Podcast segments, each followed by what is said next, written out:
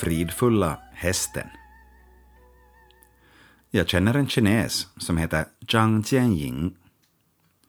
Han jobbar i den stad jag snart kommer att flytta till och vi kommer förhoppningsvis att ha ett nära samarbete i framtiden. Blunda nu och fråga dig själv. Vad hette kinesen jag nyss nämnde? Eftersom vi inte är vana vid det kinesiska språket och uttalet är det också svårt att minnas vad kineser heter. Det är svårt redan på svenska att komma ihåg folks namn. Inte konstigt att vi glömmer bort ord på ett språk vi inte begriper eller kan tala. Kineserna vet om det här och därför har många av dem tagit ett inofficiellt engelskt, eller åtminstone utländskt klingande namn för användning i kontakt med utlänningar. Om Zhang Jianying istället hade presenterats som Peter Zhang eller Michael Zhang skulle åtminstone förnamnet ha fastnat bättre. Kineserna väljer ibland engelska namn som kan tyckas lite underliga. Ända till för några år sedan fanns det bara klassisk utländsk litteratur att tillgå i Kina, till exempel böcker av Dickens.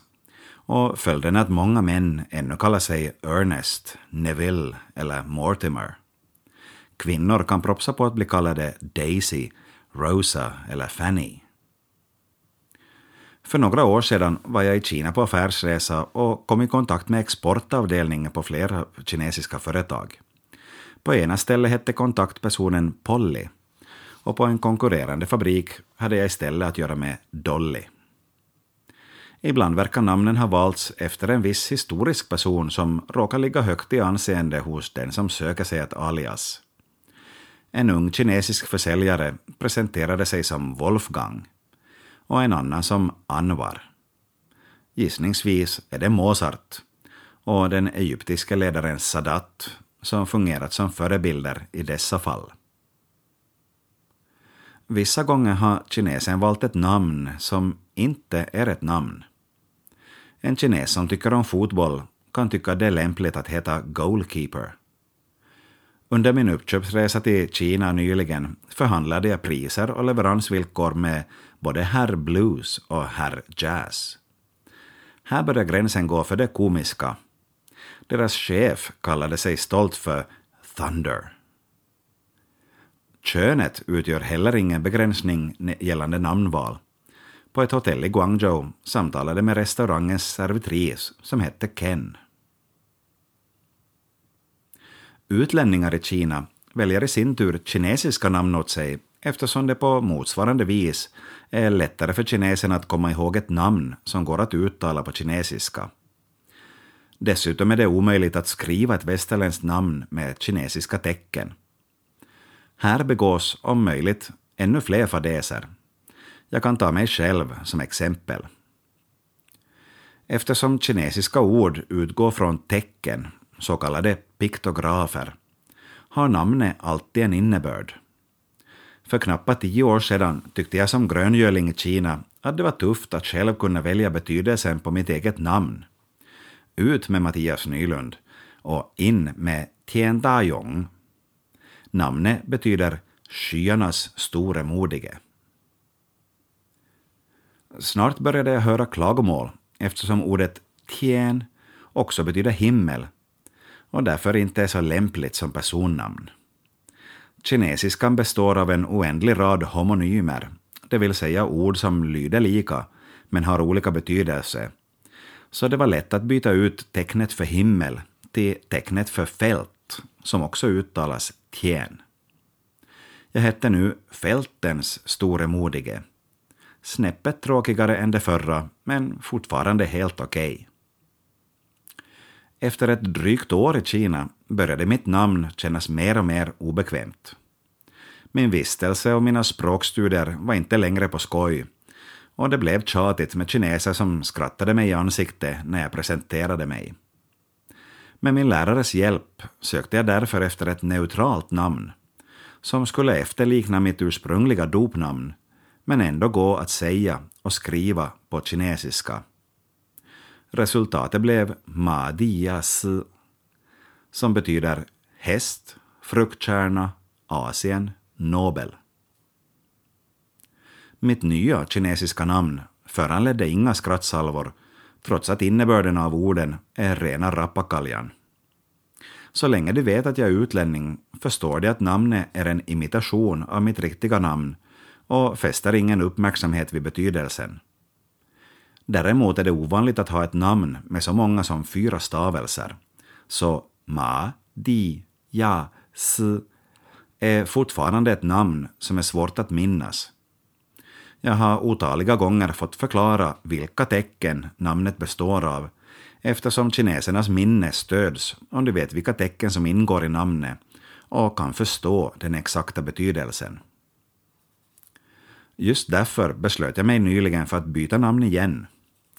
I januari flyttade jag till Kina och denna gång ska jag jobba och inte studera som tidigare. Jag kommer dagligen att vara i kontakt med både bekanta och obekanta kineser, ofta per telefon. Och då är det viktigt att mitt namn är enkelt att uppfatta och komma ihåg. Därför har jag bytt till namnet Ma Tai. Precis som i fallet Ma Dia Si heter jag fortfarande Häst, Ma, i släktnamn. Det må låta skrattretande, men släktnamnet Häst är faktiskt väldigt vanligt i Kina. Mitt personnamn Tai, som för övrigt ingår i Mike Tysons kinesiska namn, betyder fridfull. Och jag heter alltså Fridfulla hästen. Ganska skarp kontrast till skyarnas store modige, eller hur? Alla kineser känner till ordet thai, eftersom Kinas kändaste berg heter Taishan. Om någon frågar förklarar jag thai som i Taishan. Det är vanligt, även kineser emellan, att förklara namnets betydelse eftersom kinesiskan som sagt består av många likalydande ord och det är ibland svårt att veta vilken betydelse motparten syftar på. Flera av mina nya affärskontakter i Kina blev överraskade när vi efter att tidigare endast kommunicerat via telefon möttes personligen och de märkte att jag inte är kines. Mitt nya namn fungerar uppenbarligen perfekt. Vill du själv ha ett kinesiskt namn? Ofta väljer man stavelser enligt det ursprungliga namnets uttal och det blir mer eller mindre bra beroende på huruvida motsvarande stavelser kan hittas i det kinesiska språket. Till exempel kommer Anna och Nina att heta samma på kinesiska. Den som heter Christer får dock hålla till godo med närmsta möjliga Kölisö. Dostojevskij heter på kinesiska ”Tuo so tre fu ji Betydelsen kan bli precis vad som helst.